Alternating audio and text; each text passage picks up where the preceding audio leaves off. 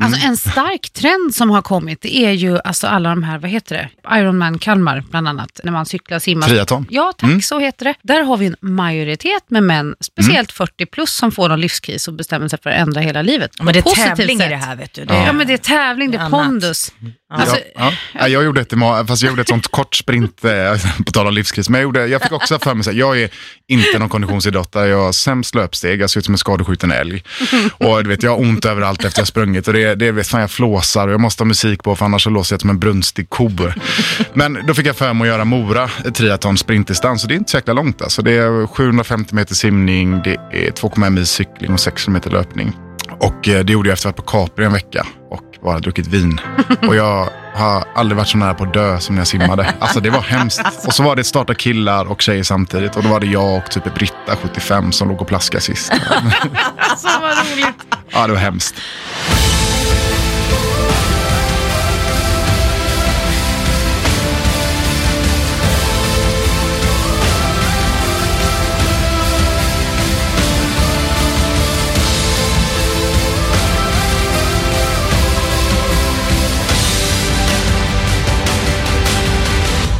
Och välkomna tillbaka till Livsstilspodden. Det är Sabina Dufberg. Och My Martens.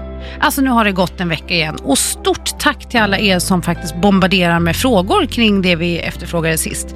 Men det kommer vi tillbaka till senare. Idag är vi inte ensamma i studion utan idag har vi tagit in en manlig gäst. Varmt välkommen Marcus. Tack så mycket. Härligt att ha dig här. Jag känner ju inte dig sådär personligen. Jag vet lite grann om eh, den profileringen som du har i TV, men jag tänkte du kanske kan få berätta lite för mig och för My och våra lyssnare vem du är. Ja, men Marcus heter jag och eh, jag har en, egentligen en ganska gedigen idrottsbakgrund med eh, handbollsspel eh, hemma i elitserien och så sen även utomlands under tre år. Efter det kom jag hem och så utbildade jag mig till personlig tränare, jobbade som det ett par år och eh, passade på att få en dotter då också som nu är snart sju. För stor tjej nu. Ja, jättefin och jättestor tjej. Det går fort. Men utöver det så började jag plugga till läkare 2011 och eh, någon gång i samband med det så halkade jag in på gladiatorerna. Så jag har gjort eh, fyra år nu och fem säsonger då som Hercules i gladiatorerna. Och blev klar som läkare nu i januari 2017, så ett år sedan. Så jag har jobbat ett år nu på barnakuten här i Stockholm. Härligt, grattis. Som sagt, full fart med andra ord. Men du Marcus, vi träffades ju i ett annat sammanhang också.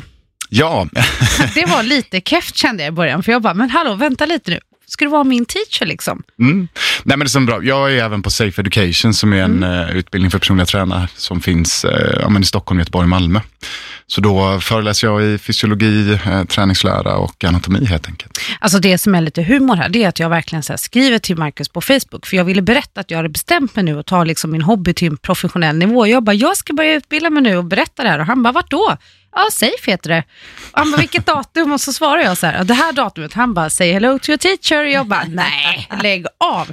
Visste inte att du gjorde det. Nej, men det, Det gjorde du uppenbarligen. ja, men det är parallellt. Så det, jag gör ett par utbildningsstarter per år ungefär. Så jag har precis Mm. gjort det nu i januari. Eh, Men alltså det jag kan tycka som är lite fascinerande, vi, våran podd heter ju Livsstilspodden. Och du är ju en hel jävla livsstil. alltså har du, har du liksom någon ledig tid alls? Jo, men det har jag ändå. Jag har ju min dotter då deltid, eh, så inte riktigt 50 procent, nästan. Och eh, när jag inte har henne så blir det väldigt mycket jobb och väldigt mycket Mm. eh, ja, men träning och, och ja, fullt upp helt enkelt. Men när jag har henne, då är det liksom hon som, som gäller helhjärtat och då går hon och lägger sig kanske lite tidigare, så får man lite egen tid på kvällarna. Och, ja, men som nu till exempel så är jag ledig en månad, för jag är mellan två tjänster. Och då ska jag passa på att resa iväg. Så det, jo, jag har egen tid, definitivt. Du planerar det så med andra ord. Ja. Härligt. Många som säkert eh, vet vem du är, man eh, har sett dig på TV och så, där, eh, där du då är vältränad hunk säkert i många ögon misstänker jag. I både män och kvinnors ögon. Och, och där då, alltså ser man de här musklerna, man ser vältränade kroppar och så, så tänker ju säkert många, de här människorna äter säkert ingenting onyttigt och tränar hela tiden. Hur ser ditt liv ut? Är det så för dig? Nej, men det är det, alltså det är det absolut inte. Sen ska man ju inte sticka under stolen med det, att inför inspelningarna så är det en period där man, ja, man sköter sin diet eller sin kost väldigt mycket mer eh, noggrant än annars. Men eh, om vi också säger att de första två, två säsongerna kanske så var jag extremt mer nitisk med min mat och eh, sen säsong tre så började jag släppa ännu mer på det och säsong fyra så, ja, då, då blev det lite mer vin till helgerna och, och gott gott. Men Eh, generellt sett så, så käkar jag lite vad jag vill. Jag väger aldrig min mat, har aldrig gjort. Eh, kommer aldrig göra. Eh, och eh, även under den tiden när vi hade liksom inspelningen och så, så ville Stella, då, min, min dotter, eh, baka chokladbollar en fredag, då gjorde vi det. Eh, så liksom, jag tror det är viktigt att man inte för över kostnojor eller eh, hookups på, ja, på sina barn helt enkelt. Mm. Det låter väldigt vettigt tycker jag. Ja, så som jag själv lever också. Mm. För det är ju ofta en myt skulle jag säga, eller ja, i vissa fall stämmer det ju, men många gånger så för er som inte tränar lika mycket eller har en sån profil som, som träningsprofil, så tror man ju att det är det enda det handlar om. Men jag brukar alltid prata om långsiktighet, att man verkligen ska leva livet. Träningen är ju en del av livet, men det är inte allt, utan alltet är ju vi som människor som ligger bakom. Och det känns ju lite som att du delar den filosofin, att man även då ska kunna göra andra saker i livet och att eh, att det inte är bara att hänga på gymmet eh, 24-7, utan eh, det är bara en del, eller hur? Ja, men alltså, jag kunde inte hålla med mer. Någonstans, alltså, livet är, ja, men det är komplext och man går igenom väldigt mycket. Och träningen är, en, alltså det är mer en form för mig att må bra än, än någonting annat. Jag använder det för att eh, stressa av, jag använder det för att eh, men må bra helt enkelt. Mm. Och det är det det är till för. För mig är det liksom, fyller det ingen större funktion annars. Jag tycker det är kul. Men eh, skulle inte jag få dricka mitt vin eh, och inte äta den maten jag vill och inte kunna umgås med familjen utan jag var tvungen att, att väga maten och alltid säga nej till fika eller ja, de bitarna, då hade det inte liksom varit värt det. Nej. Nej. Känner du att du året runt, för man kan ju också ha, nu har ju du dina inspelningar då, som där maxar man kanske lite mm. grann. Men generellt då, säg att eh, du inte har inspelningar, du ska åka iväg på en utomlandssemester under så kallad lågsäsong då, om man, mm. om man nu får kalla det mm. så. Känner du dig alltid ändå bekväm med att ta på dig badkläderna? Det är liksom ingen, ingen big deal, utan du är okej okay året runt egentligen? Alltså mer eller mindre. Och nu blev det ju lite så, men när vi spelar in normalt sett i november, senast vi spelade in var november 2016, även om de senaste avsnitten nu sändes för någon vecka sedan, så, så är de inspelade november 2016. Mm. Så det har varit lågsäsong ganska länge för mig. men, ja, men, eh, och jag, jag ska åka utomlands nu, jag åker på tisdag då. Och mm. eh, nej, men jag är väl bekväm med det. Så, mm. och då satt jag ändå på Phils Burger igår och klämde en burgare och två bärs med en kompis. Gott. Men det är, väl, alltså, det är ju ändå kombinationen. Ja. Och jag tänker så här, okej, nu är det ett tag sedan ni spelade in, men, mm. men det är klart man förstår att det ligger lite extra tanke och, och planering inför inspelning. Men sen gör ju du lite andra grejer, lite modeplåtningsjobb har jag mm. fått en känsla av, för att du står ju där i skyltfönstret med dina typ badshorts på dig endast. Yes. Men Vilket det var ingen... skyltfönster? ja, typ, är det Regeringsgatan? Kungsgatan. Kungsgatan ja. till och med. Ja, du, bra adress dessutom. Ja. Och för er som inte bor i Stockholm så är det ett ganska bra skyltfönster att hamna i. Så frågan är ju då, Marcus, hur ofta gör du sådana jobb, alltså modelljobb? Men nu har det varit lite mindre på, på senare år. Mm. Där har ju snarare problemet varit att jag är lite för stor. Eh, jag är ju 1,95 lång och väger väl en 100, 103-104 kilo off-season och kanske väger en 100 då när jag är med gladiatorerna. Mm. 100, 102. Nej, men, så det var mycket mer förr också. Nu jag hoppas jag är 30 och eh, ja, vi får se vad, när Dressman ringer. Men annars så är det ju liksom lite mer så här. Det, det är underklädesjobb jag har kunnat göra mycket. Sen så för ett par år sedan så gjorde jag lite mer. Då gjorde jag Wattling och gjort Volvo någon gång och Absolut Vodka och så här. Men det, det, är liksom, det är typ tio år sedan. Absolut Vodka? Ja. Det sant. ja. Det passar inte alls din image. Nej, jag vet. Men jag hade kostym på mig. Ja, ja, det. Varför ringer inte Koskenkorva till mig? Jag är ju finska liksom. Ja. Jag fattar inte. De ringer efter det här. Ja. Vänta bara. Nej men alltså det där är ju ganska kul för att jag tror ju att, alltså, eller rättare sagt jag som satt som en av dina elever hörde mm. ju vad mina kära elevkollegor pratade bakom din rygg. Nej men vad fan, du vet det satt en kille, han var helt underbar och han, han satt bredvid och bara, så tittar jag bara, men jag ser. Och jag bara, kunde inte jag säga så här, men vi, vi känner varandra lite ytligt sen innan, vill jag inte säga heller, för vi sitter där på lektion. Och så säger han så här, jag trodde jag hade min karriär spikad, men han har fan allt. Han har barn, han är läkare, han står här, är petig, skitsnygg och tyvärr så är han inte gay. det var faktiskt kul, för det kom så här hjärtligt. Och jag tror Marcus, många kanske inte kan identifiera sig med dig. Nu är det här min hobbyanalys, men jag tror mm. att många känner att du står för ett ganska ouppnåeligt mål för vissa när man tittar på just den här blonderade, insmorda, lättklädda gladiatorn. Ja. Eller? Jo men alltså den där, det ska man vara medveten om att den där blonderade, jävligt insmord och ganska brunbrännade gladiatorn, han är, ju, han är ju inte så året om. Alltså det är ju faktiskt så. Och den formen jag håller året om, det är liksom inte det som syns på tv. Sen så är det väl inte så extremt mycket sämre än vad det är där heller. Men det är inte så. Kameran lägger på 10 kilo, i gladiatorerna så är det 10 bra kilo. Är Ja. liksom, men så, så är det. Alla vi ser större ut än vad vi egentligen är. Med undantag för vissa av oss då, kanske som är ganska rejält stora. Men, eh, men sen med allting annat menar jag, det, är- alltså så här, vissa är plugg, pluggskallar och andra inte det. Och det ingen, ligger ingen värdering i det. Alltså vi, oavsett vilken jobbtitel man har så är det snarare viktigt vad man är för typ av person än vad man har för, för jobbtitel. Jag har råkat vara bra på att läsa och fatta grejer. Kul. Och du, ja, för att jag tycker bara det är en inspiration för många. Alltså att, att våga hoppa på en tuff utbildning. Jag Mm. sitter just nu i en mäklarutbildning som håller på att ta knäcken på mig i perioder. Mm. Den är svintuff och det är tentor och det är ja, en och annan omtenta kanske. och så får man göra om och rätt. Mm. Men jag har ju valt att hoppa på eh, just Alltså som, som PT, det kan inte jag jobba fulltime med, det funkar inte tidsmässigt. Nej. Men jag tycker att det får mig att må bra och där kan jag känna, du har jobbat som PT i ganska många år, Mm. men du gör inte det längre väl, eller? Nej, det gör jag inte. Jag har jobbat i, ja, men i runda slängar tio år. Och så avslutar jag det när jag blir färdig läkare helt enkelt. Och då valde du att, just det, precis. Men när var detta ungefär? Detta var januari 2017, så ett år sedan. Just Sen det. så har jag kört lite parallellt fortfarande. Jag föreläser lite och blir inhyrd på event och så. Så då kan jag köra lite PT-klasser eller så. Men annars så, eh, inte liksom i, så som jag gjorde innan när jag var stationär på Nordic Wellness. Det, det gör jag inte. Nej. Nej. När du sa att du föreläser och åker runt så, Mm. vem är det de anlitar då? Är det läkaren eller är det gladiatorn eller är det en Pappan kombination? eller? Nej, men ofta, ofta är det kombinationen tror jag. Jag tycker de finner det liksom fascinerande. Eller många finner nog det fascinerande just. Och det är ju samma sak egentligen med mina läkarkollegor. De tycker det är fascinerande att man har tid att träna, eller att jag har tid att träna så som jag gör. Och att jag har den livsstilen. De tycker det är jätteintressant och ställer väldigt mycket frågor kring det. Medan träningsbranschen kanske tycker är intressantare. Hur fasen hinner du med att jobba så som du gör och, och ha det, den typen av ansvar som du har. Men, eh, så det är nog en kombination de anställer. Nu senast var jag nere i Marstrand och föreläste på en sån här tjejevent med 200 tjejer. Nähä. Jo. Jag bara, nähä. Jag väntar på killevent, men det kommer väl. Ja. Ja. Men Efter på, det här. på tal om event, det här är Ja. faktiskt ganska roligt. Jag eh, har ju, jag jobbar lite som du, alltså Mm. ute och föreläser väldigt mycket och mycket event och sådär. Och det är ju 80-90% tjejer, alltid. Mm, inte, inga killevent. Eh, nej, jag väntar också på killeventen, jag fattar inte. Hallå?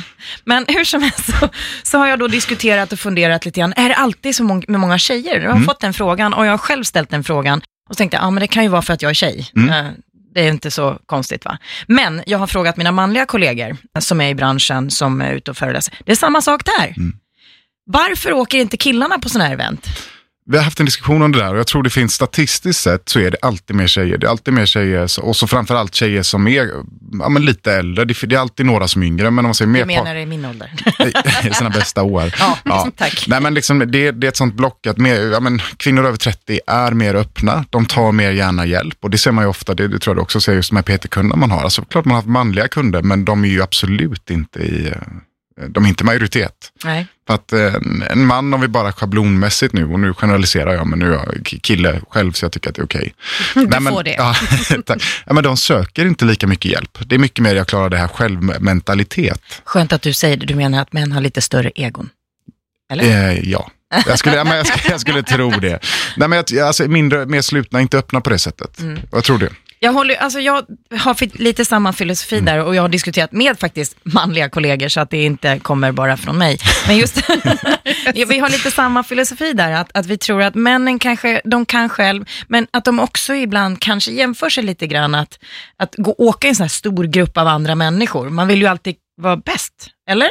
Mm. Finns det någonting sånt i det också, att man liksom, den här gruppmentaliteten och, och eh, ja, att man då ska åka iväg och få hjälp från någon annan. Och, Mm. Men det behöver ju inte heller vara att få hjälp, tänker jag. För alltså, jag var ju på en surfresa nu i våras. Jo, men den är lite specifik. Männen åker på sportresan, de åker på cykelresan, för att du inte Ja. säger cykel. Alltså det måste vara grenspecifikt. Då är, Ja. då är faktiskt grabbarna i majoritet. Eller? Ja, kanske. det finns i alla fall fler killar på de resorna, definitivt. Är det så? Ja, Ja, men det. tror jag. Vi hade en kille bland 22 tjejer. Med sin flickvän dessutom. Och han var ju ganska ensam om just det. Han, han sa det, var, varför är det inga grabbar med? För det var Ja. ingenting som kanske framgick när han bokade resan. Och det var inte en tjejresa. Men vi hade jävligt kul. Pratar du om surfresan nu? Ja. ja. Och det var ju liksom, surfen var ju bara en, en rolig krydda på den här resan. Alltså, det var ju fortfarande crossfit-inspirerat högintensivt. Ja, men då var det ju, lite inslag men då var det så här tränings ju- och livsstilsgrejen Ja. då Absolut. med inriktningen. Men, men just det vi pratar om, eller det jag pratar om, Ja. det är ju att en ren, säg så här, du åker ner och så cyklar du Tour de France, eh, alltså vägarna, eh, och det är cyklister, det är troligtvis en, en professionell cyklist som leder allt det här. Då brukar männen kanske hitta dit, Att de de, som verkligen. Mm. tävlar och tränar i cykling. Så det är väldigt sportinriktat när männen eh, åker på de här gruppresorna, tror jag. Men det, det är nog mycket möjligt. Jag, jag har inte den, eh, alltså jag vet för lite om det. Jag vet bara, jag har haft några träningsresor eller, och då har det varit i majoritet tjejer, men då har det också varit mer generellt, typ må bra, spa lite. Exakt. Jag vet inte, det kanske inte tilltalar män på det sättet. Nej. Nej. En så tydligare målbild. Alltså en stark trend som har kommit, det är ju alltså alla de här, vad heter det, hjärnsläpp, Ironman Kalmar bland annat, när man cyklar, simmar. Triathlon. Ja, tack, så heter det. Där har vi en majoritet med män, speciellt 40 plus, som får någon livskris och bestämmer sig för att ändra hela livet. Men det är tävling i sätt. det här vet du. Det Ja, men det är tävling, det är pondus. Alltså, ja, ja. Jag gjorde ett, i ma- fast jag gjorde ett sånt kort sprint, eh, på tal om livskris, men jag, gjorde, jag fick också för mig att jag är inte någon konditionsidrottare, jag har sämst löpsteg, jag ser ut som en skadeskjuten älg. Och du vet, jag har ont överallt efter jag sprungit och det, det vet fan jag flåsar och jag måste ha musik på för annars så låser jag som en brunstig ko. Men då fick jag för mig att göra Mora triathlon sprintdistans och det är inte så jäkla långt alltså. Det är 750 meter simning, det är 2,1 mil cykling och 600 meter löpning. Och eh, det gjorde jag efter att ha varit på Capri en vecka och bara druckit vin. Och jag har aldrig varit så nära på att dö som när jag simmade. Alltså det var hemskt. Och så var det starta killar och tjejer samtidigt. Och då var det jag och typ Britta, 75, som låg och plaskade sist. alltså vad roligt. Ja, det var hemskt. Ja, Har du, några, har du några bilder från det här du kan mejla mig till? Nej. till nej. Jo, det finns massa bilder. Men skitbra event, men det var så här, jag har aldrig, ja, jag har aldrig du har aldrig varit så bra i hela ditt liv. Nej. Jag funderade på att börja ryggsimma, du vet, efter ett tag sen. Jag bara, men jag kände bara, jag kan inte göra det, det är ingen annan som gör det. Men alltså, vad fast det är ju det. Det är kul. Man Mm. ska våga kliva utanför sin comfort zone. Ja, Det har ju vi lite som röd tråd här i podden. Ja, ja precis. Ja. Då, alltså, då blir man ju bättre. Man ja, lär sig något nytt varje gång. man vet i alla fall vad man är bättre och sämre på. ja, ja, men alltså, Ja, men det, jag tycker att det är en styrka i att våga visa sig sårbar och inte vara... Alltså, jag själv upplever det, när jag var 25, till skillnad från nu när jag är över 40, ah, jag bryr mig inte längre. Jag tycker det är helt okej, så jag vet du, shit, det här kan inte jag. Och det är okej. Mm. När jag var 25 var det lite jobb- jobbigare att liksom vara dålig på saker och ting. Mm. Rent fysiskt i alla fall, Jag bara, eftersom att jag var mm. ganska fysisk av mig. Så. Men eh, det är väl en mognad, tror jag. Att Mm. våga göra sådana här saker som man vet att man kanske inte kommer vara bäst i. Men just det här med mognad och, och så, liksom, när man jämför med varandra. Ni är ju ett helt gäng gladiatorer. Mm. Och en del känns ju ganska barnsliga. Nämner inga namn. och där håller jag My, faktiskt kan du berätta vem Nej, du syftar på nu? absolut nej, inte. Nej, nej, jag skojar bara. Men det finns ju liksom olika personligheter helt klart. Men ni har ju ändå gjort något otroligt kul med inriktning på just barn, inte Mm. barnsligt. Och det är ju hinderbanan. ja, precis. Ja, även om Ludvig då är både för kort och för aldrig får vara med. Så alltså, vad, är upplägget? Nej, men det, det är någonting som heter Barnens hinderbana. Mm. Och eh, den tanken, eh, det är Peter Blaha, han som är pansar, som eh, har knäckt den här idén. Extremt eh, driven kille, eh, före detta vd på Twiggly tror jag det var. Kan med, med brasklapp för att jag säger fel nu. Eh, pluggat KT, KTH, jävligt smart kille. Eh, bokstavskombinationer, eh, Allan. Och inte lika bufflig som man verkar, eller? Nej, inte, eller initialt man träffar honom han det. Men, men han är underbar. Men Ja. lite bufflig i början. Men han är, han är, det är en underbar kille, jättefin. Mm. Och eh, han tyckte att det var jävligt konstigt, rent ut sagt, att vi hade så jäkla mycket barn och så att vi inte gjorde någonting av det. Så han startade Barnens hinderbana, där han skänker ändå en, en ganska stor kaka till Barncancerfonden. Och så åker vi runt och så har, är det som en hinderbana där vi aktiverar unga, där de springer liksom med, ja, men som obstacle race, fast för barn. Mm. Och så i slutet så är det liksom en, eh, ja, men som ett gatlopp, där de får möta oss. Vad roligt. Ja, alltså, det är verkligen jättekul. Mm. För jag menar, det är ju ändå väldigt mycket barn som tittar på just det tv-programmet, Ja. på gladiatorerna. Och det är väl härligt att de får liksom vara en del av det också, Mm. misstänka. För det måste ju vara världens dröm för dem. Att få själva springa ut på den här banan och, och, och träffa er Och personligen. där så knyter man ju liksom ihop hela den här biten till att vi, vi ändå vill uppmuntra våra barn till att våga röra på sig och liksom testa på nya grenar. Så att det är liksom, allting går ju ihop där, tänker jag. mm. Men vad är det för åldersgräns nu? För att, Oj, det frågade mig. ja, Ehm, typ, är det det borde jag inte kunna. sju? Vi säger att Vi googlar. ja, Googla på den. Jag är ledsen Peter, men det vill säga att det är sju. Det är nog sju, kan det vara. Kanske åtta. Sju eller åtta där någonstans. För det är ju, Vad fan. jo men Estella vi lös. 11. Estella är född elva. Ja, för Ludvig också, men han Ja. fyllde ju 4 januari, så han är ju sju. Ja men i så fall löser och det. lite tuppkam så han lång. Ja, Ja. det, är ingen, det är ingen minimilängd någonstans. Ah, okej. Det är bara ålder. Släng in honom där, Ja. det går jättebra. Och Så Kan få sig en tackling. härdas han. Ja. Det som inte dödar en härdar. Ja, ungefär så. Det har min pappa alltid sagt. Men du berättar ju det, nu det här loppet som du var med i, som inte var din starka gren. Nej. Eh, man kan väl kanske gissa att du gillar gymmet som nummer ett, stämmer det? Jo men det är det. Alltså det eller bollsport skulle jag säga. Du gillar att jaga boll har jag fått för mig. Ja, handboll Mm. var det ju. Handboll och så sen spelade tennis för skojs skull. Ja men egentligen allt. Ja, fotboll, badminton, you name it. Allt som är lite mer Allt så med här. bollar. Ja. Som en hund. Testa att kasta en boll, mysiga vad som händer. Ja. Handbollen, håller du fortfarande på med den? Lite, Mm. om man kan svara så. Jag har gjort tre träningar i år. Jag la egentligen av helt, eh, någon gång när jag var strax efter 20.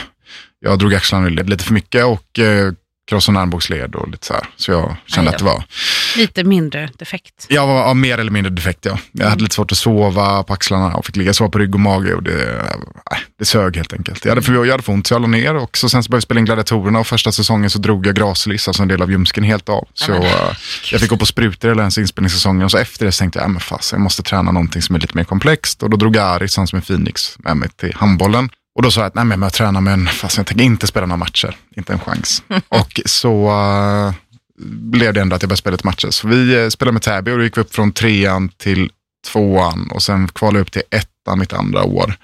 Och misslyckades så kval- kvalade vi upp i ettan förra året och gick upp. Så nu ligger vi i division 1, men jag har inte, där har jag inte hunnit. Det är också så här, Täby ligger en timme utanför stan och det är i alla fall Vad fan snackar du om? Täby ligger en timme. Det Jag bor i Täby, bort. det är 14 minuter in till Stureplan. en timme. Bullshit. Okej, och för er som lyssnar så Stockholm är crazy när det gäller att förflytta sig. Ja. Det tar extremt lång tid, framförallt om man åker på säkerligen de tiderna när ni har träningstider. Och så ligger hallen inte, den ligger inte i anslutning till centrala Täby utan den ligger lite utanför. Spelar Aris fortfarande? Han spelar fortfarande. Ja. Mm. Och han är ändå eh, 40, 45 år kanske. Yes, eller mig. Ja. Det känns bra. Absolut.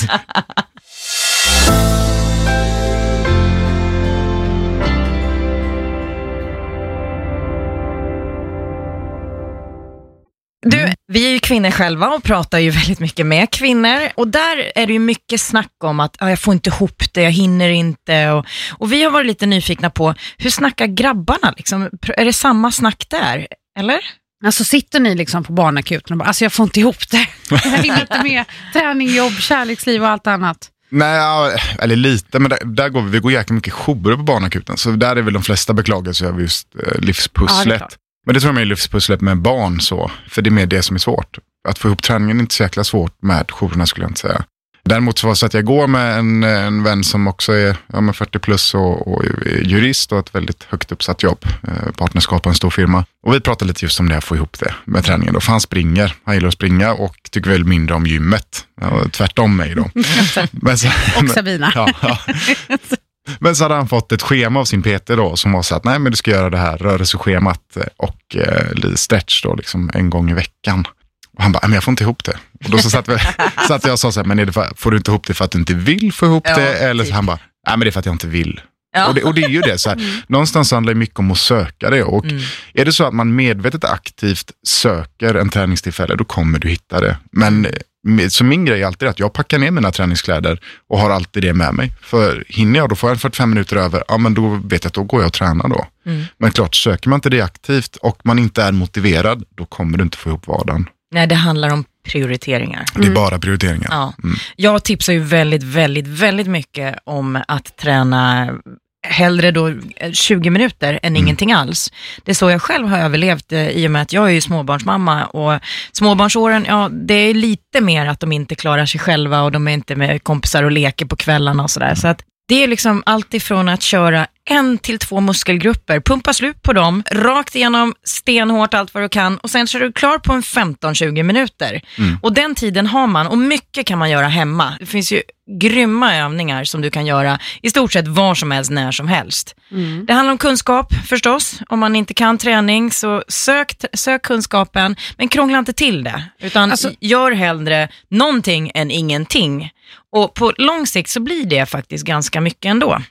Ett roligt inslag som Sabina har i sin app, just den här hotellträningen, alltså den hade jag behövt för tio år sedan. Jag har ju legat och pendlat i tio år till Amsterdam.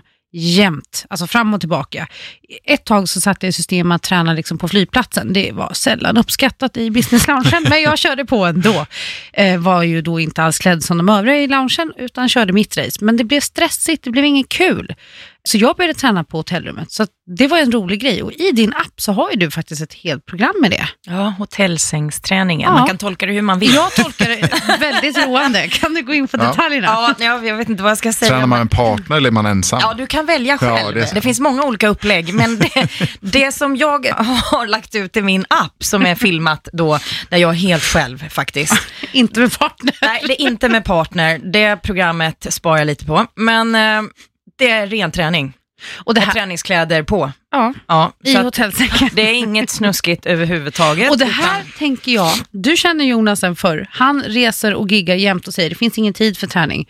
Eh, Jonas är då min, min fästmö. Fästman. Sorry Fästmö, Jonas. sa du det? Jonas, hörde du? Ja, det gjorde han nog dessvärre. Men han säger att han har inte tid och så säger han så här, alltså jag sitter ju jämt ensam på de här hotellrummen. Mm. Så nu tänker jag ladda ner den appen till honom. Bra tips va? Känner du till Sabinas app? Nej. Berätta. Ja, igen. Ja, men lite kort, Ja, så han lite hänger kort med. Då. Ja, den, eh, det egentligen handlar om väldigt mycket hemmaträning. Det är allt ifrån 15, 20, 10 minuter ibland. Finns lite längre och sen är det träning på olika in- intensitet. Jag har valt att, att använda mig av de här pistbackarna, ni vet. Eh, grön, blå, röd, svart. För er som åker skidor, ni vet precis vad jag pratar om. Det är svårighetsgraden. Grön är för nybörjare och svart är, svinjobbig. Men det är väldigt lättillgänglig träning. Det finns också på gymmen, det finns med redskap, men mycket uppbyggt utan redskap. Och framförallt så har jag utgått från mig själv. Min, min livssituation där jag inte kan åka iväg till, till gymmet så som jag tidigare kunnat gjort. På grund av att jag bor alltså kring Stockholmsområdet. Precis som du sa tidigare, det går inte på två minuter att glida runt med bilen och parkera och sen är man framme och inne på gymmet. Det funkar inte så när man bor i de här områdena. Det kan ta en, ja, jag vet inte vad, men det tar lång tid att förflytta sig på olika tidpunkter i den här staden. Och därför så har jag själv då fått prioritera att träna hemma och det är många som har frågat mig, hur, hur får du ihop det med barnen och sen har jag två företag och ja, men man åker Mitt runt. i och så vidare. karriären och mitt i livet, Ja, liksom. precis, Mm. lite så. Och då har jag försökt tipsa med sådana program. Allt ifrån konditionförbränning, styrka, rörlighet, smidighet. Eh, Utöver det så satsar jag väldigt mycket på insidan. Jag är ju väldigt mycket, och My bara suckar där borta, men jag pratar ju om Happiness is a skill. Jag vill ju hellre att hela fitnessindustrin i Sverige skulle prata om att folk ska satsa på att vara lyckliga. Att det är det du ska Det träna håller jag på. med. Det är inte det jag skrattar Nej. åt.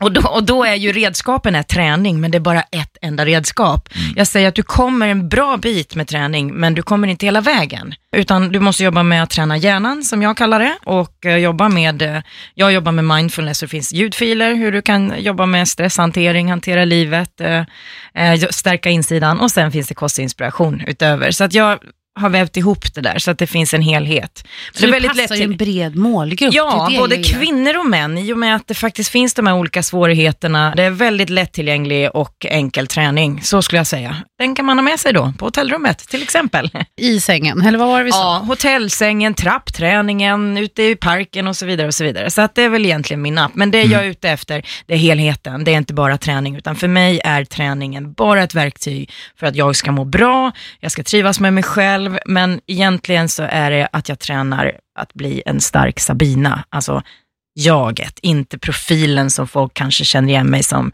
från Biggest Loser eller träningsprofil eller någonting, utan det är någonting jag gör, men det är inte jag. Utan Mm. eh, jag pratar om jaget. Det är min, eh, min eh, bebis, så att säga. Det är det jag egentligen brinner för. Och önskar att hela fitnessindustrin skulle kunna fokusera lite mer på, inte bara på kostschema och träningsschema, för det är så många som har för perfekta kroppar, de har jättefina kostscheman och perfekta träningsscheman, men någonstans så känner man sig inte hel i alla fall.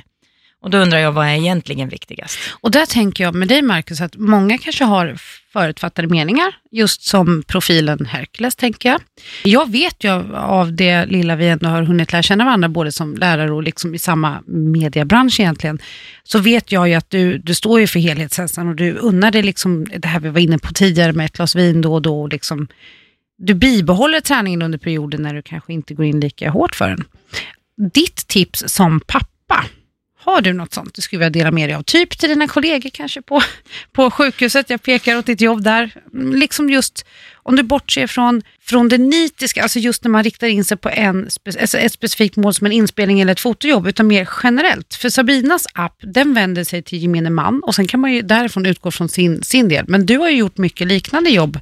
Är det något så här generellt tips du vill ge? Nej, men alltså, jag tror att eh, generellt sett så är det väl det att liksom söka träningen. Att, att försöka ta sig tid och sen söka tiden. För att i den vardagen de flesta lever i nu, oavsett om man jobbar som läkare eller om man har något annat jobb, om man har barn, så är det svårt att få in träningen. Mm. Och det behövs inte så jäkla mycket tid, precis som, som ni egentligen båda är inne på, utan det räcker med en 20-30 minuter.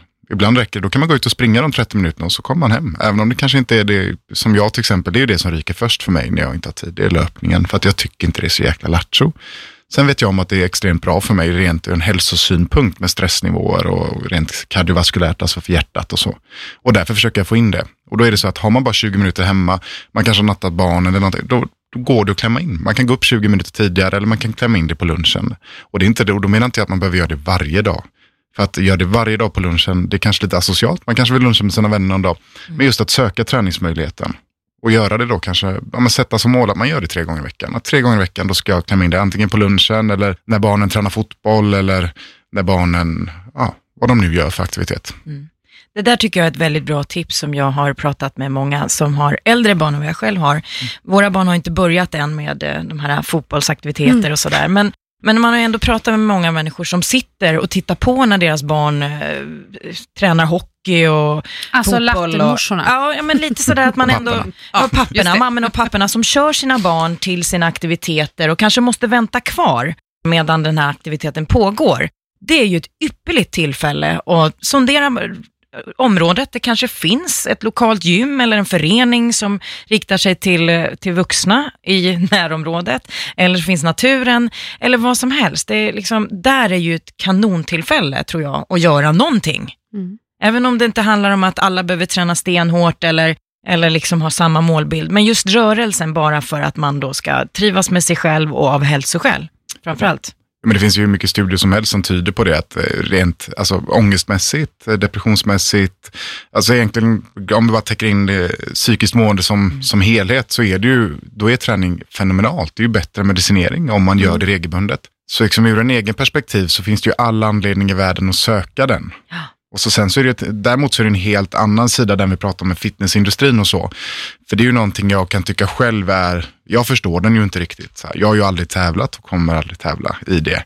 För att jag tycker att det är så här, för mig så ska det vara ett tävlingsmoment, då vill inte jag att det ska vara en skönhetstävling på det sättet. Det, det, finns ju definitivt en effort med, med det de gör. Mm. Det är ju ingenting som man bara glider igenom och så sen så går man upp på scen. Men det jag, min personliga åsikt är ju att jag föredrar när man har en prestation i det. Det är då jag tycker det blir en sport. Och så sen så, jag förstår att man vill utmana sig själv och pröva på att göra det här. Det jag kan ha lite svårt för är just det här att jag tror lite med den, med lite så som samhället är idag så är det så lätt att det sätter hjärnspöken i mm. folk. Och vi har redan en liten snedvriden bild och eh, alla mer eller mindre ska antingen ja, tävla i det eller tävla i något annat. Så här, det, mm. det kan ibland orsaka mer skada än vad det faktiskt är nytta. Mm. Och jag kan vara benägen att hålla med dig där, måste jag säga. Det sociala medieflödet som vi har, vilket är jättehärligt och jättepositivt. Men det är ju också en baksida. Jag, precis som du och du My också, vi träffar ju människor hela tiden. Och jag träffar ju väldigt mycket trasiga människor som vänder sig till mig. Allt ifrån Biggest Loser, som de flesta säkert vet vad det handlar om. Där är det ju människor som har en histori och ett tungt bagage ofta. Det är ju inte så att de råkar ha blivit smällfeta för att de inte visste att det, det handlade om Eh, att man inte kan äta tio bullpåsar eller vad som helst. Utan det ligger ju någonting bakom. Det är ju väldigt tragiska, tunga historier. Det är, en del människor är väldigt sköra där, som har hamnat hamnat i, i, i Biggest Loser till exempel. Men sen tittar jag lite på in, fitnessindustrin. Där har jag också träffat väldigt mycket människor som på utsidan ser annorlunda ut, men på insidan är väldigt lika. Och det har blivit lite extremt tycker jag med, med, med det sociala medieflödet och framförallt där man, det är väldigt mycket profiler som visar dagens mage, dagens biceps och väldigt mycket rumpa, väldigt mycket hud. Det är perfekta kroppar, perfekta vinklar och det här matar man alla de här unga människorna som, som blir in, alltså inspirerade och tror att så här ska det vara. Och det tror jag är lite skrämmande, för att det är många av de här människorna faktiskt som kanske inte riktigt är i balans och mår jätte, jättebra heller. Och då blir de ändå förebilder, för att det är det man ser på utsidan. Och då tycker jag att just fitnessindustrin är lite, lite fel ute, många fall. Och det är väl det här som egentligen jag tycker är det, det tråkiga med den industrin som jag själv eh, hamnar i, det facket jag hamnar i. Men du Marcus, jag tänker på det här. Nu har ju du slutat köra PT-kunder på det sättet som du gjort tidigare om inte annat. Men kommer du fortsätta liksom med lite så här event och träningsresor? Är det någonting du har med i planerna eller tar du det som det kommer? Hur ser det ut nu för dig? Nej, men jag tar det lite som det kommer. Jag, har inget, jag har inget större inplanerat utan jag, jag, jag är available på förfrågan helt enkelt. Och så sen så ska det, det är viktigt för mig att det går ihop med, med livet i stort. Just det med lillan och, och ja, resten. Jag har varit sugen på att åka utomlands och, och jobba kanske med barnläkarbiten, typ i Afrika eller något sånt där. Men det är också det att det är svårt att få ihop med, med lillan. Så just nu så får vi se vad som händer och det är samma sak med gladiatorerna. Vi får se om det blir en säsong till och så ska jag ta ställning till det. Vet man det än? Nej, Nej. det vet man inte.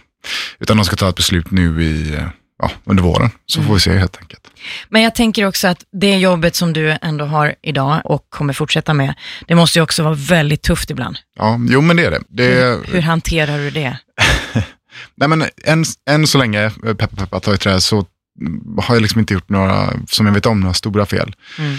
Och det gör man förr eller senare. Det är, liksom, det är ofrånkomligt. Men oavsett yrke så, så är man mänsklig, man gör fel. Det måste man vara medveten om. Men även om man har gjort rätt, men det går ändå fel. Jag tänker på att det, det finns ju väldigt mycket tragiska historier kring varför barn överhuvudtaget hamnar på sjukhus. Det är ju Ja. inte, det är inte av glädje man springer dit, Nej. utan det är ju för att det är någonting som är fel.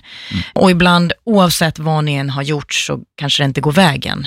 Ni, ni bär ju med i det här kanske, eller kan man bara släppa det? Hur hanterar man sorg egentligen, som, som ändå ni får se? Mm. Ja, men jag tror vi, vi är alla olika, sen så fastnar vissa saker mer än andra helt enkelt. Sen så har vi när det är stora grejer, vi har stått på ett dödsfall, ett hjärtstopp på ett litet barn på nattetid. Och då blir vi debriefade efteråt. Det, det enda som jag tyckte var svårt då var att det hände på natten och så sen så skulle jag gå in och fortsätta jobba efter det och då är vi två, två läkare på barnakuten. Mm. Och då skulle vi liksom fortsätta ut, man har stått och liksom avslutat ett, ja, med ett barn som inte överlevde. Mm. Det är väldigt konstigt och sen är det en väldigt konstig känsla att förmedla. Just den här att det är väldigt få personer som förstår den känslan. Mm. Att eh, det jobbiga är ju liksom inte att det, som i det här fallet, ett barn som kommer in med hjärtstopp och så påbörjar du, eller på hjärt-lungräddning pågick ju när ambulansen kom in och så tar vi över och fortsätter och ger läkemedel och, och så. Den biten är inte jobbig, för då blir det lite som en maskin. Du stänger av och så blir det liksom mekaniskt. Du vet vad du ska göra och du fortsätter med det. Men däremot den här tomhetskänslan som blir när du ska sluta, Mm. den, är, den är jävligt konstig. Mm. Och väldigt svårhanterlig. Så. Har läkare som ni, eh, har ni eh, samtalstider eller terapeuter eller psykologer som, som ni liksom regelbundet har kontakt med? Jag vet inte hur det är på vuxen, men vi på barn har så att har vi varit med vid ett dödsfall Mm. eller någonting som är väldigt traumatiskt så har vi debriefing och då är det tillsammans med en, en psykolog och sen så är alla som var med vid det här fallet, som till exempel det här barnet då, Mm. då bjöds ambulanspersonalen in, narkosläkarna in, för vi var ju väldigt många på plats och Mm. vi som ansvariga läkare för barn då bjöds in. Och då satt vi ner efteråt och så fick alla berätta hur man upplevde situationen. Mm. Och eh, det, är- det är nyttigt och det tror jag är liksom väldigt Nödvändigt. nödvändigt. Ja. Sen så är det ju andra saker som fastnar. Jag menar, barn är ju barn, så det är ju alltid från ny, nydiagnostiserade tumörer till allt, allt annat som kan, vara, som kan vara jobbigare på ett annat sätt. Så. Akutmottagningen på det sättet är ganska tacksam för att du, du träffar ett barn som är, kan vara väldigt dåligt, väldigt sjukt, men sen så gör du det du kan och så släpper du det vidare. Jag tycker nästan det är jobbigare att bli mer personligt, man är på avdelning en vecka och kanske handlägger något barn som men som är, som, ja, men så du får en personlig relation till föräldrarna. Det är inte liksom ett engångstillfälle där du räddar livet eller det går åt helvete, utan där har du liksom en, ja, man utreder dem under en längre tid, man kommer med besked, man ger hopp och man ger liksom förtvivlan. Och den, den, är, den tycker jag nog är jobbigare. De, jag har haft några sådana, de har satt sig liksom. Mm. Ja, det kan jag tänka mig. Mm. Det är tuffa beslut eh, som du har framför dig, framförallt eh, om du ska, vilken väg du ska gå och Mm. oavsett vad det, vad det är så, så är det ju ett häftigt och eh, heroiskt jobb som du har valt att jobba med tycker jag. Och jag ser ju liksom en röd tråd i allting du gör. Det är ju ändå att du, du brinner för att träna, du brinner för prestation och prestation är att klara en utbildning är ju en typ av prestation. Och sen har du ju den röda tråden med barn. Mm. Du är väldigt barnkär, Ja, men jag gillar barn. Ja. Jag har väl egentligen alltid, alltid gjort både det. ditt och andra. Jo, men alltså barn, eh, barn är fantastiska och så sen så är det väl, eh, även själva läkarbiten är väl lite, om man vänder på det, lite egoistiskt också. För att så här, vuxna eh, kommer in och så kanske de är döende eller så mår de piss. Mm. Och så boostar du upp dem lite, men de blir ju aldrig, fan, de blir ju aldrig riktigt bra. Ja. Och, nej men det är ju så. Alltså, jag menar, alltså, om vi kollar på vår vuxensjukvård så är det man, vi tänker att det är sådana i våran ålder. Det är det ju inte. Det är gamla. Mm. Och det är jättebra att det finns människor som gillar att jobba med dem. Det är fantastiskt. Mm. Men för, jag kan ju nästan tycka att jag är lite egoistisk. För jag gillar ju den här när det kommer in ett barn som kan vara liksom, ja men, du vet, det går, man tror att det här kommer aldrig gå. Mm. Och sen tre dagar senare så går de ifrån med en Piggelin i näven. Och så vet man att det här är, liksom, det är fullt återställt för inga restsymptom. Ja, det kommer bara gå bra. Det är livsglädje Jo, men du som vet- bara liksom sprider ut från Ja. avdelningen och Jo men det är det. Och så Ja. sen så är det samma sak där. Jag menar barn som är riktigt sjuka. Det är ingen jävel, ingen förälder som kommer säga till dig att fan vad glad du är när du kommer in till mitt barn, sluta vara det. Nej. Utan du kan gå in, Ja. skämta lite och så undersöker du och så är de, de är tacksamma för att man liksom lyfter upp barnet och är glad. Mm. Medan kommer in med någon som har en tumör i vuxen ålder eller någon som, de vill, alltså där blir det mer, där är det svåra, där där, måste du ska du känna av vara, där får du inte vara glad Nej, inte, men inte på Nej. det sättet. Kom inte in här och flina liksom. Nej, för att du, har, du går igenom en kris och det förstår jag. Men just med barn så är det tacksam för då kan du gå in och vara, ja men du vet, du lyfter upp situationen och det busar lite och blåser lite bubblor och kittlas lite. Så här. Och sen, Mm. ja. Ja, Ja, men det är härligt. tacksamt. Är det så att de känner igen dig från tv-rollen? Det händer. Det händer. Ja. Tänk vilken lycka! Alltså, Ja, men- allt är riktigt skit. På väg till sjukhuset och så kommer in en gladiator. Högst otippat. Ja, men alltså I det, läkarrock. Ja. Ja, men alltså när det är barnen så tycker jag då är det bara charmigt. Det är en sån jäkla tacksam inkörsport till att liksom få en allians med barnen. Däremot så har jag varit med någon, ja, men två, tre gånger så här. En gång när det var en som kom in som larm och då är det så att det är, ja, men krisar det och de kommer in med ambulans. Och liksom ambulansen tycker att det här är ja, men fara och färde, liksom, det kan gå åt skogen. Då larmar de innan. Så då står vi på akutrummet, minst en läkare och syrror, oftast två läkare, möter upp. Och, så, liksom. och då var det lite kul, för då kom det in ett barn. Och så du vet, så här, som var jättedåligt. Mitt i det pappan bara, fan är inte du med i Gladiatorerna? Och var liksom helt, och jag var så här bara, du ska nog, du ska nog ta hand om ditt barn. Så det blir, så jävla annorlunda vad situation. Ja, och så sen fick jag också någon gång, någon, någon förälder som, eh, när jag kom upp, ropade upp i väntrummet, så här, ja men, vad barnet nu hette. Så, här. så reser sig pappan upp, så ett litet barn, och så ropar han till sin fru, typ, och säger att hon hette Agnes. Så här, Agnes, fan vi fick Herkules! Det är liksom inför alla i hela väntrummet och då var jag så här, "Nej, men vad fan. Det Men du, kan inte du bjussa på det? Under läkarrocken så har han Her- Hercules-kallingarna på. Ja, Kul. va? Alltid. Eller alltid läder. Det är, en, det är typ en kjol jag har. är det en kjol? Ja, Oh. typ, jag vet. Manligt Men- och bra. Gud vad roligt. ja. Ja. men tänk dig, barnen ska bli överlyckliga bara. Helt plötsligt Absolut. kommer Hercules in och, och lyssnar på hjärtat. Och det är framförallt inte så många gånger, förutom kanske i det här fallet då som man säger, hör du läkaren knäppa upp rocken. Men hörni, tiden går ju fort när man har roligt. Ja, så är det. Vad fantastiskt roligt att du kom hit och delade med dig. Och eh, ja, vi önskar dig ett stort lycka till med vad du än väljer. Och så får vi hoppas att vi får se dig som gladiator en säsong till. Verkligen. Och att vi inte träffas på sjukhuset. På gyn. Just, ja, ja, precis. nej. äh, vad roligt. ja, men tack så mycket för att jag fick komma. Tack! Och tack till er som lyssnade. Vi är jätteglada för det. Och kom ihåg, skriv gärna till oss, fråga frågor, var helt öppna så försöker vi vara öppna tillbaka. Vi hörs igen nästa vecka. Tack ska ni ha. Tack för idag. Hej hej!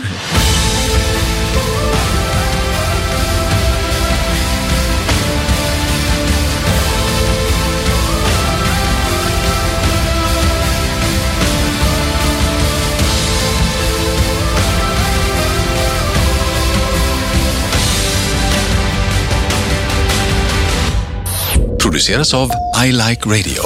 I like radio.